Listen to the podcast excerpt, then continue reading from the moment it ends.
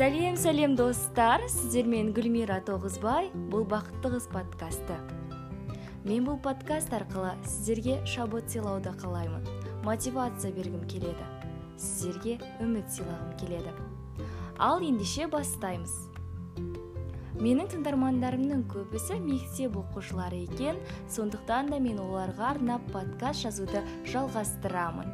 Ал ендеше бүгінгі біздегі тақырып ол мамандық таңдау. Адам өмірде екі нәрседен қателеспеу керек. Бірі мамандық таңдау ал екіншісі жар таңдау. Бүгін біз соның алғашқысы жайлы сөз қозғайтын боламыз. Ал бастайық онда. Жалпы әлемде 40 мыңға жуық мамандық бар екен. Осы уақытқа дейін 25 миллион адам өз жұмысын ауыстырған екен. Және де оның 12 пайызы қайта өз жұмысына оралған. Ал басқа проценттері яғни қалған бөлігі өз жұмысына мүлдем оралмай басқа бір ә, шаруалармен айналысып кеткен екен. Жалпы осы ретте негізі мамандық таңдау ол әркімнің де өзінің қолында. Оған ата анасы оған қоғам достары барлығы әсер етуі мүмкін. Бірақтан да ол үшін өзгелер шешім қабылдамауы керек. Өйткені мамандық сіздің тағдырыңызды таңдайды. Сол үшін де ол таңдауды өзіңіз жасаңыз. Ал мен сізге бүгін жай ғана кеңестер айтатын боламын. Ең алғашқы кеңесім ол мамандықты тест арқылы таңдау. Бірақтан да бұл қазақстанда жүзеге аспайтын секілді. Өйткені бізде әртүрлі стереотиптер қалыптасқан және де біз мысалға тест тапсырған кезде де ешқандай да шынайы болмаймыз. Мысалы өзімде мен бала кезімде түрлі тесттер тапсырып көрдім мамандыққа байланысты болсын басқа да дүниелерге байланысты. Дегенмен де мен мысалға бір нәрсені белгілегім келіп тұрса да жоқ ол нәрсе дұрыс емес қой деп басқа нәрсені яғни басқалардың көзі басқалардың ойынша дұрыс болатын дүниені белгілеуге тырысамын. Солайша да мен болашақтағы мамандығымды анықтай алмай қалуым мүмкін. Ал шетелдегі балалар бізге қарағанда шынайы болып келеді және де сол арқылы олар өздерінің болашақтағы мамандықтарын анықтай алады екен. Егер де сіз де өзіңізді шынайымын мен тек қана шындықты айтамын деп ойлайтын болсаңыз онда тест арқылы өзіңіздің мамандығыңызды анықтауға болады. Тағы да бір айтар кеңесім сіз ол мамандықты практика жүзінде жүзеге асыра аласыз ба? Соны ойланып көріңіз. Егер де мен мысалға электрик болсам қандай қызмет атқарушы едім? Қалай жұмыс істеуші едім? Барлығын да сіз өзіңіз көзбен көріп мүмкін жасап көріңіз сол нәрсені. Кішігірім дүниелерді жасап соған өзіңізді бейімдеп көріңіз. Егер де сіз өзіңізді болашақта мұғалім ретінде көрсеңіз мұғалім кейпіне еніп көріңіз. Және де сол арқылы сіз өзіңіздің болашақтағы мамандығыңызды анықтай аласыз. Одан кейінгі бізде зерттеу. Яғни сіз зерттеуге жүгініңіз. Сіз қанша жерден мысалға адвокат мамандығын бітіріп өте қызығып тұрып бірақтан да сіз ол мамандық бойынша елде жұмыс таппайтын болсаңыз онда сіз ол мамандықты оқығаныңызға өкініп қалатын боласыз. Яғни ең алдымен сол үшін де сіз зерттеу жүргізіп көріңіз. Сұраныста бізде қазақстанда қандай мамандықтар бірінші орында тұр? Сол мамандықтарға өзіңізді сынап көріңіз. Егер де сіз ол нәрселерге мысалға қызықпайтын болсаңыз онда барудың қажеті жоқ. Егер де сізде сол мамандықтарға қызығушылық туындайтын болса онда байқап көріңіз. Және де бізде келесі нәрсе ол ә, онлайн курстар.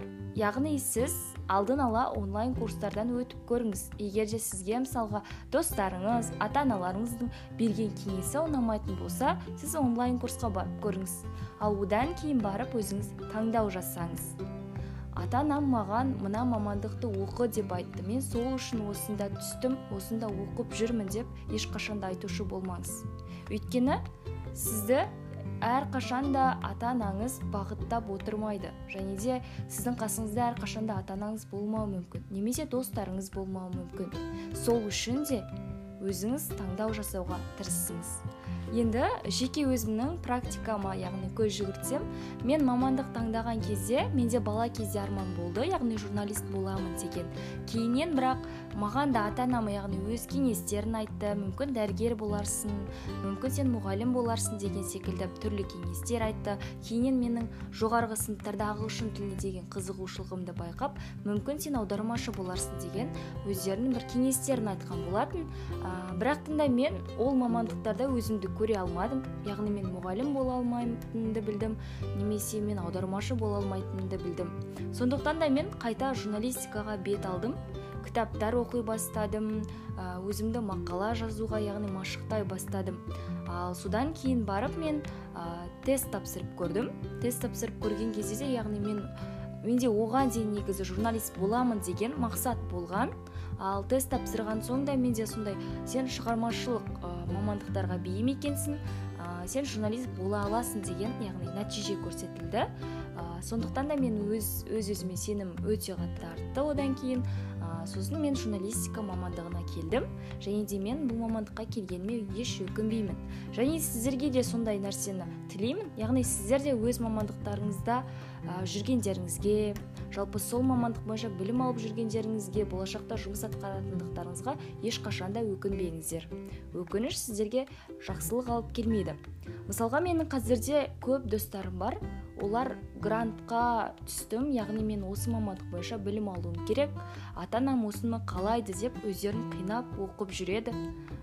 Одан басқа мысалға ә, ешқандай заттарға өздері қызықпайды яғни ата анам маған осыны айтты мен осыны ғана жасауым керек деген секілді. Дегенмен де ә, олар мысалға ол мамандықты мен қаламаймын мен оқығым келмейді деп ата анасына қарсылық білдіруге де болады. Бірақ ол нәрсені олар қаламайды. Ә, жалпы негізі мамандық таңдауға өз септігін тигізетін нәрсе ол қызығушылықтарымыз деп ойлаймыз яғни ә, хоббиіміз. Егер де біз мысалға сурет сызуды қалайтын болсақ ә, сурет сызған кезде бір рахат сезімге бөленетін болсақ онда біз сол арқылы өзіміздің мамандығымызды таңдай аламыз. Ә, одан кейінгі бізде ә, мамандықтың жаман жоқ. Яғни мысалға айтып жатады ғой егер де ер балалар мысалға тігіншілікке баратын болса немесе аспаздыққа баратын болса ой ол сенің мамандығың емес қой. Ол нәрсені тек қыздар жасау керек деген секілді.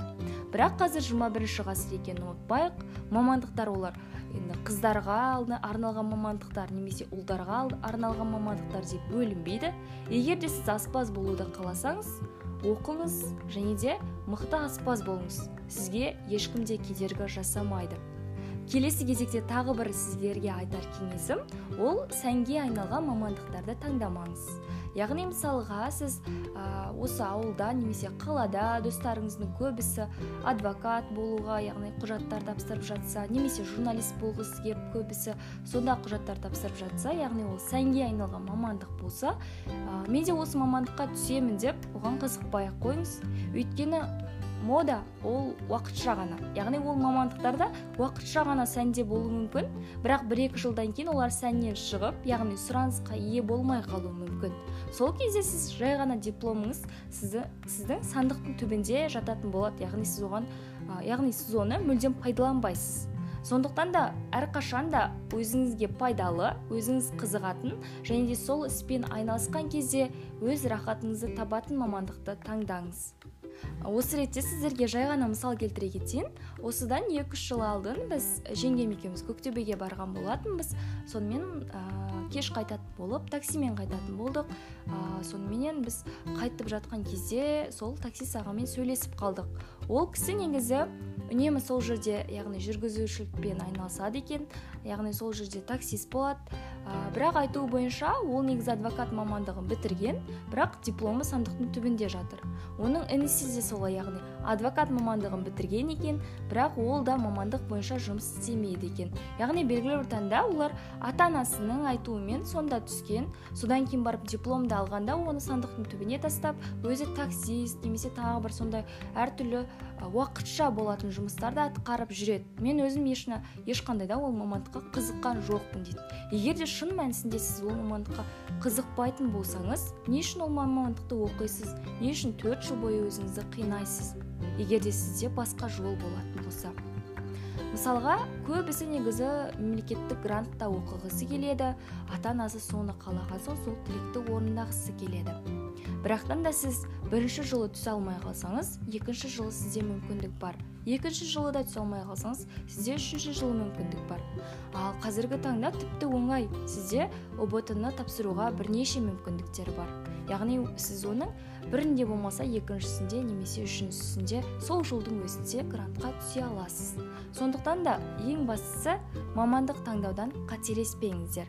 Бәрі өз қолдарыңызда. Ал ендеше сау болыңыздар құрметті достарым.